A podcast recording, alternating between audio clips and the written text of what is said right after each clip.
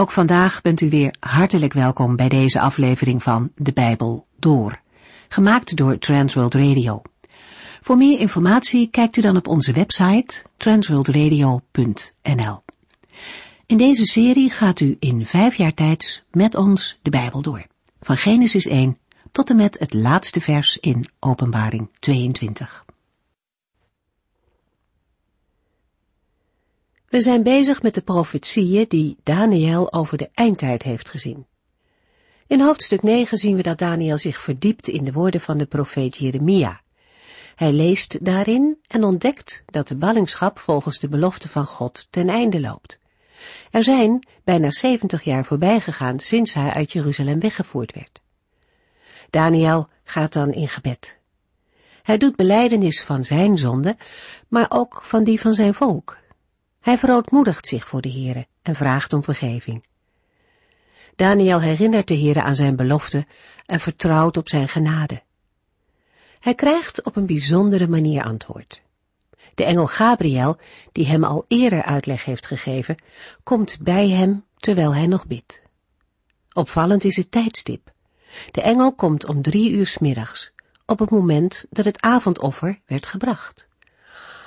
Ook al lag de offerdienst in Daniels tijd stil, deze man van God hield de gebedstijden vast. Overigens werd Gabriel al uitgezonden zodra Daniel zijn knieën boog. God is niet afhankelijk van ons bidden en toch gebruikt hij het in de uitvoering van zijn plannen. De laatste versen van Daniel 9 met de uitleg van Gabriel zijn niet zo makkelijk. Allereerst krijgt Daniel iets te horen over het tijdsbestek waarbinnen de gebeurtenissen in de versen 25 tot en met 27 zich zullen afspelen. In de vertaling van het boek wordt een periode van 7 maal 70 jaar aangegeven. En in andere vertalingen lezen we 70 weken. Deze weken worden ook wel jaarweken genoemd. En vervolgens zegt Gabriel dat het in deze verse inderdaad gaat om een antwoord van de Heere op het gebed van Daniel ten behoeve van Jeruzalem, de tempel en het volk Israël. En daarna deelt Gabriel aan Daniel mee wat de Heere in die bestemde periode zal doen. De Heere belooft dat er een einde komt aan de goddeloosheid. Er komt verzoening van ongerechtigheid en vergeving van zonde. In de Hebreeuwse tekst van vers 24 vinden we zes beloften, die in de vertaling van het boek minder duidelijk terug te vinden zijn. Al deze beloften hebben te maken met het herstel van de gemeenschap met de Here, met geestelijke vernieuwing. In Daniel 10 tot en met 12 vinden we het vierde en laatste visioen van Daniel. Hoofdstuk 10 is de inleiding tot het visioen. Daniel, die al drie weken in de rouw is over zijn volk, ziet een hemelse gestalte. Een man in linnen kleren met om zijn middel een gordel van zuiver goud. Daniel en de mannen die bij hem waren, worden overvallen door grote angst. De man blijkt een engel van de Here te zijn. Hij laat Daniel zien hoe de wereldgeschiedenis een geestelijke strijd is en hoe boze geestelijke machten greep op koninkrijken en heersers proberen te krijgen. Daniel, die hierdoor verbijsterd is, wordt door de engel getroost en bemoedigd. In Daniel 11 onthult de engel aan Daniel de toekomst met betrekking tot het Perzische en Griekse Rijk, en daarna spreekt hij over Egypte en Syrië. De andere helft van Daniel 11 handelt over de tijd van Antiochus Epiphanes van Syrië. In Daniel 11 spreekt de engel in het bijzonder van de wreedheid en goddeloosheid van de Syrische heerser Antiochus Epiphanes, die de grote verdrukker van de Joden zal zijn en de tempel zal ontheiligen. Vooral in Daniel 11, vers 40 tot en met 45 komt uit dat deze periode in de wereldgeschiedenis een profetische heenwijzing is naar de tijd die aan het einde van de wereld voorafgaat. In hoofdstuk 12 volgt het slot van het visioen, dat tegelijk het slot is van het hele Bijbelboek Daniel. Na de periode van verdrukking komt de tijd van de openbaring van de verlossing en bevrijding van de Here als ook van zijn vergelding voor de onderdrukkers. Daniel wil graag weten hoe lang het nog zal duren voordat deze tijd aanbreekt. Maar hij ontvangt een antwoord dat hij niet begrijpt. Het antwoord van de engel is: U mag nu gaan, Daniel, want alles wat ik heb gezegd zal tot de eindtijd onbegrepen blijven. Wat moet Daniel dan doen? We lezen het in Daniel 12, vers 13. Maar wat u zelf betreft, ga het einde van uw leven rustig tegemoet en sterf in vrede, want u zult weer opstaan en uw bestemming bereiken in die laatste dagen. Daniel 10 is in feite alleen een inleiding op wat volgt in de hoofdstukken 11 en 12 en vormt daarmee één geheel.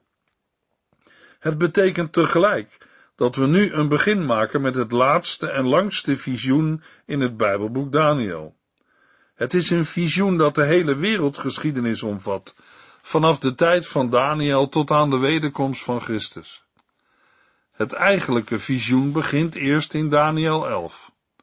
Althans, daar begint de boodschap waar het in dit vierde visioen om gaat.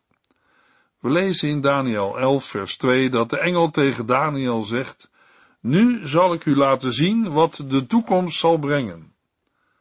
Toch betekent dat niet dat wat in Daniel 10 staat van geen of weinig betekenis is. Integendeel. Het woord van God onderwijst ons in Daniel 10 over een aantal zaken met betrekking tot de engelenwereld die we verder in de Bijbel nauwelijks tegenkomen. Het is daarom zeker de moeite waard om Daniel 10 te lezen en naar het onderwijs van de engel te luisteren. De Duitse hervormer Maarten Luther zegt bij Daniel 10: Goddank zijn niet alle engelen gevallen. Daar mogen ook wij de Heere voor danken. Daniel 10 vers 1 In het derde regeringsjaar van koning Cyrus van Perzië kreeg Daniel, ook wel Beltesazar genoemd, een openbaring. Het ging over dingen die onherroepelijk in de toekomst zouden gebeuren, over tijden van grote nood. Deze keer begreep Daniel de betekenis van wat hem werd bekendgemaakt. Deze laatste openbaring die Daniel ontvangen heeft, vermoedelijk kort voor zijn sterven, is het duidelijkst gedateerd. Het is het derde jaar van Cyrus of Chorus, de koning van Perzië, en daarvan de 24ste dag van de eerste maand. Naar onze jaartelling gerekend komen we dan terecht in de maand maart van het jaar 536 voor Christus. Daniel is een oude man, die de 80 jaar ruimschoots is gepasseerd. En dat is te merken ook. Het is een tijd met veel feestelijkheden. Babel viert zijn nieuwjaarsfeest met grote eet- en drinkgelagen. De Joden hebben in deze weken hun paasfeest, dat ook vreugde meebrengt. Maar Daniel viert geen feest. We krijgen de indruk dat hij zich gedurende een paar weken heeft teruggetrokken voor bezinning en gebed. Hij is niet in de stemming om feest te vieren. Daniel 10, vers 2 en 3.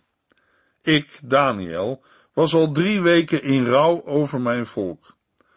Al die tijd had ik geen wijn gedronken of vlees of andere lekkere dingen gegeten. Ook verzorgde ik mijn uiterlijk niet. Drie weken lang is Daniel al in rouw over zijn volk. Hij eet geen vlees of andere lekkere dingen en drinkt niet van de wijn die rijkelijk vloeit tijdens het nieuwjaarsfeest in deze weken. Hij verzorgde zelfs zijn uiterlijk niet. Dat moet duidelijk aan hem te zien zijn geweest na al die weken. Gezien zijn leeftijd zien we in Daniel 10 een oude, zwakke en vermagerde man. Maar waarom is Daniel al drie weken in rouw over zijn volk? Dat lezen we in vers 12 en 14. Vers 12 vertelt dat Daniel begon te bidden om inzicht.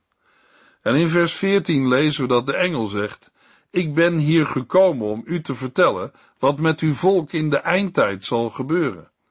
Want de vervulling van deze profetie zal nog vele jaren op zich laten wachten. Daniel verlangt ernaar te weten hoe het verder zal gaan met zijn volk.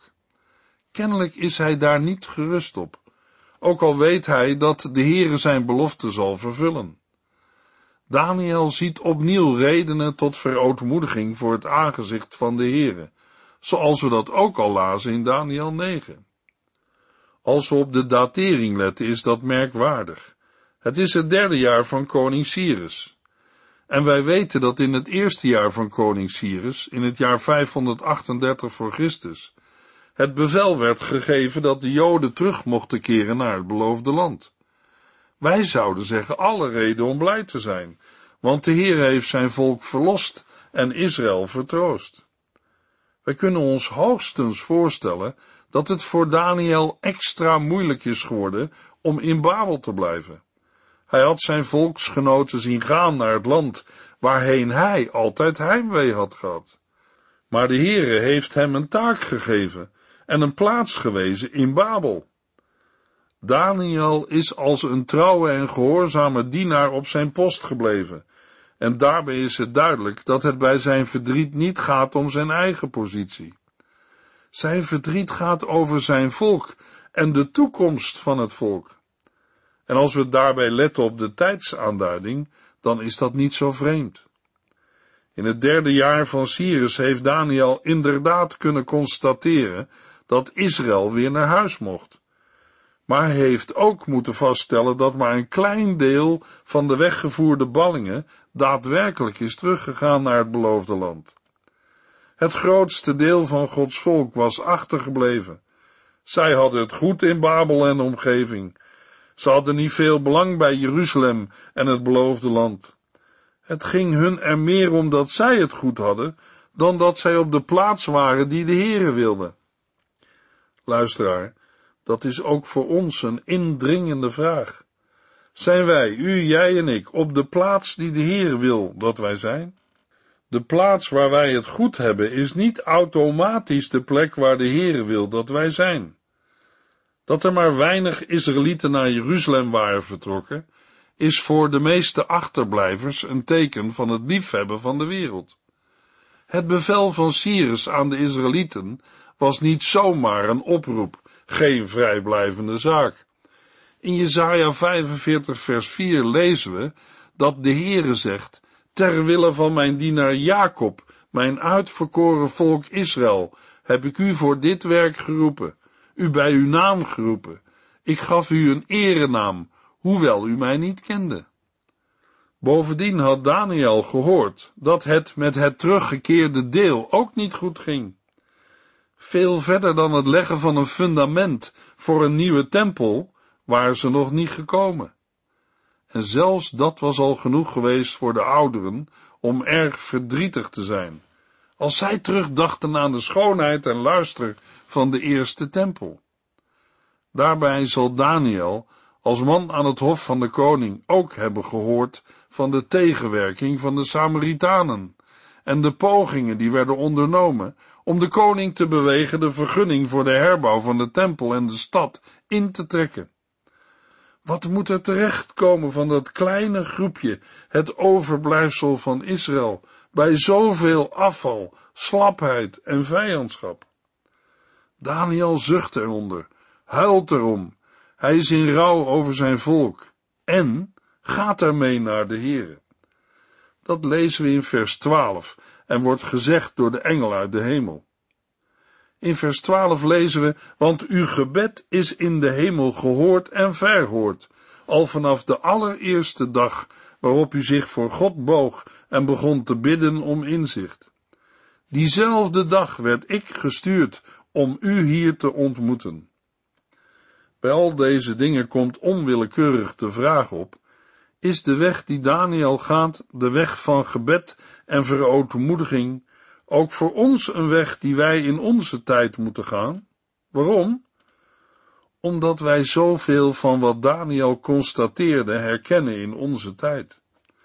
Als wij zien hoeveel mensen de tegenwoordige wereld lief krijgen en de kerk het geloof en God loslaten, als wij aan de andere kant zien hoeveel gemeenteleden in de christelijke kerk nog wel meelopen, maar zich niet willen inzetten voor een bepaalde taak. Als we zien hoe de vijandschap tegen de kerk en het geloof toeneemt en er in de kerk ook allerlei wantoestanden aan het licht komen, gaan we er dan mee naar de Here? Net als Daniel? Is het ook ons gebed? Heren, waar gaat dit naartoe? Hoe moet dit aflopen? Zo kan het niet doorgaan. Maar, zal iemand vragen, helpt bidden wel? Want Daniel bidt drie weken lang. En we weten inmiddels voldoende van de intensiteit van zijn bidden. Maar het lijkt wel alsof zijn gebed niet wordt gehoord. Drie weken lang komt er geen enkele reactie. Dat is heel wat anders dan in Daniel 7, toen zijn gebed onderbroken werd voor de verhoring, en Daniel ook nog te horen kreeg dat die verhoring er al was toen hij begon te bidden. In Daniel 10 lijkt het er niet op. Drie weken lang hoort of ziet Daniel niets. Luisteraar, op dit punt begint nu het bijzondere onderwijs van Daniel 10. Daniel 10, vers 4. Op de 24ste dag van de eerste maand stond ik aan de oever van de rivier de Tigris. Als Daniel na drie weken aan de oever van de rivier de Tigris staat, misschien wel op een gebedsplaats, zoals de Joden in de verstrooiing die wel meer hadden, aan de oever van een rivier, dan verschijnt hem plotseling een man in linnen kleren met om zijn middel een gordel van zuiver goud. Over de persoon zelf moeten we het straks nog hebben, maar nu vraag ik aandacht voor wat hij zegt. In vers 12 lazen we, want uw gebed is in de hemel gehoord en verhoord, al vanaf de allereerste dag waarop u zich voor God boog en begon te bidden om inzicht. Diezelfde dag werd ik gestuurd om u hier te ontmoeten. Al de tijd dat Daniel bad en zich afvroeg, hoort de Heere mijn gebed wel? Dringt mijn gebed en gehuil wel door tot de Heere? Al die tijd, drie weken lang, was de hemel al bezig met de verhoring. Daniel merkte daar niets van. Maar daarom was het wel zo. Ook vandaag kan het best drie weken duren voordat we iets zien van verhoring. Het is ook best mogelijk dat een mens drie jaar moet wachten op een antwoord. En soms zien we in dit leven niets van een verhoring. Maar dat betekent nog lang niet dat de Heere niet hoort. Er is ook verhoring van gebed waar wij nog niets van zien. Ook onzichtbare verhoring.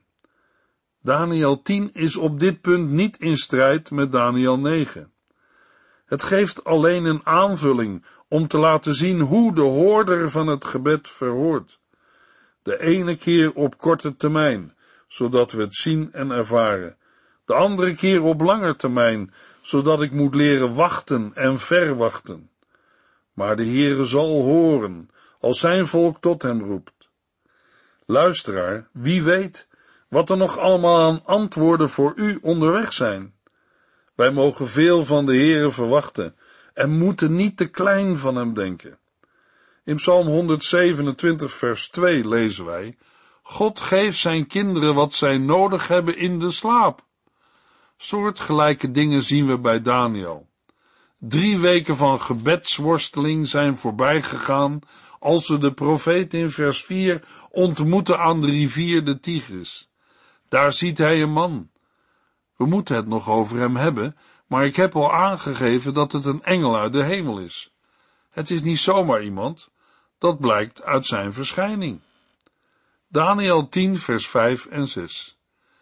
Ik keek op en plotseling stond voor mij een man in linnen kleren, met om zijn middel een gordel van zuiver goud. Hij had een prachtig glanzende huid. Zijn gezicht schitterde als de bliksem en zijn ogen leken op vlammende fakkels.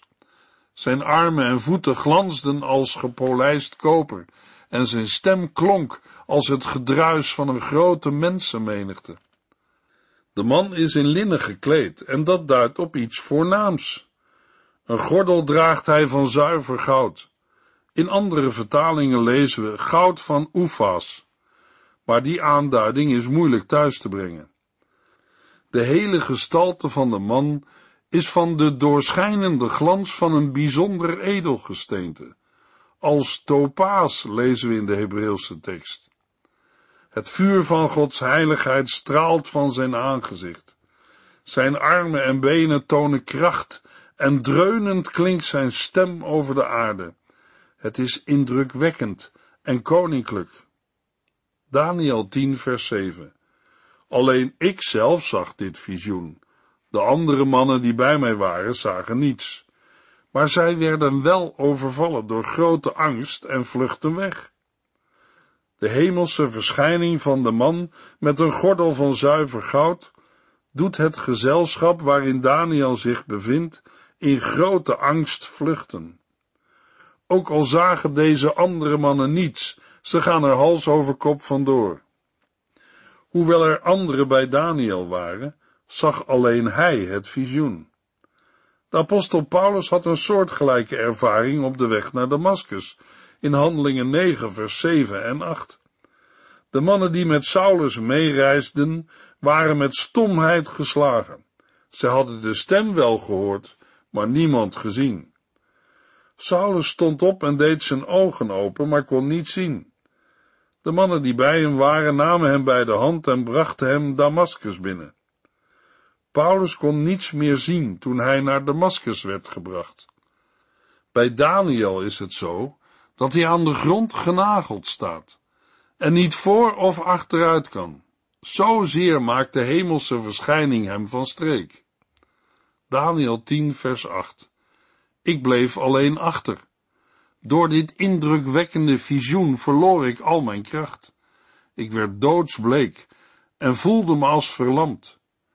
Toen hij tegen mij begon te praten, verloor ik het bewustzijn en lag lang uit op de grond. Daniel verschiet van kleur en zijn benen weigeren dienst. Hij voelde zich als verlamd. Op het moment dat de vreemdeling zijn mond opent, valt Daniel bewusteloos op de grond. In het begin van vers 8 lezen we, ik bleef alleen achter. Daniel wordt door de andere mannen alleen gelaten. Het is een ervaring die andere personen in de Bijbel op verschillende manieren ook hebben ervaren. Wel anders dan Daniel. Ik noem een aantal voorbeelden. Abraham verliet Ur en tenslotte zijn familie en was alleen met God. Mozes werd ver weg de woestijn van Midian ingestuurd en bij de brandende braamstruik was hij alleen met de Heeren. De profeet Elia leefde in eenzaamheid bij de beek en de Heere was bij hem. Ook de profeet Jeremia ging een eenzame weg, maar de Heere was bij hem. In het Nieuwe Testament lezen we over Johannes de Doper. Ook hij was alleen in de woestijn, maar God was bij hem. Van de apostel Paulus hebben we gelezen dat ook hij verschillende momenten had waarin hij alleen was, bijvoorbeeld in een eenzame opsluiting, maar ook daar was de Heere bij hem. Ten slotte, de apostel Johannes werd in eenzaamheid verbannen op het eiland Patmos, maar God was bij hem. We lazen in vers 9, toen hij tegen mij begon te praten, verloor ik het bewustzijn en lag lang uit op de grond. De woorden doen denken aan de ervaring van Johannes op Patmos. In Openbaring 1 vers 17 en 18 zegt Johannes over de mensenzoon, Toen ik hem zag, viel ik als dood voor hem neer. Maar hij legde zijn rechterhand op mij en zei, Wees niet bang, ik ben de eerste en de laatste ik ben de levende.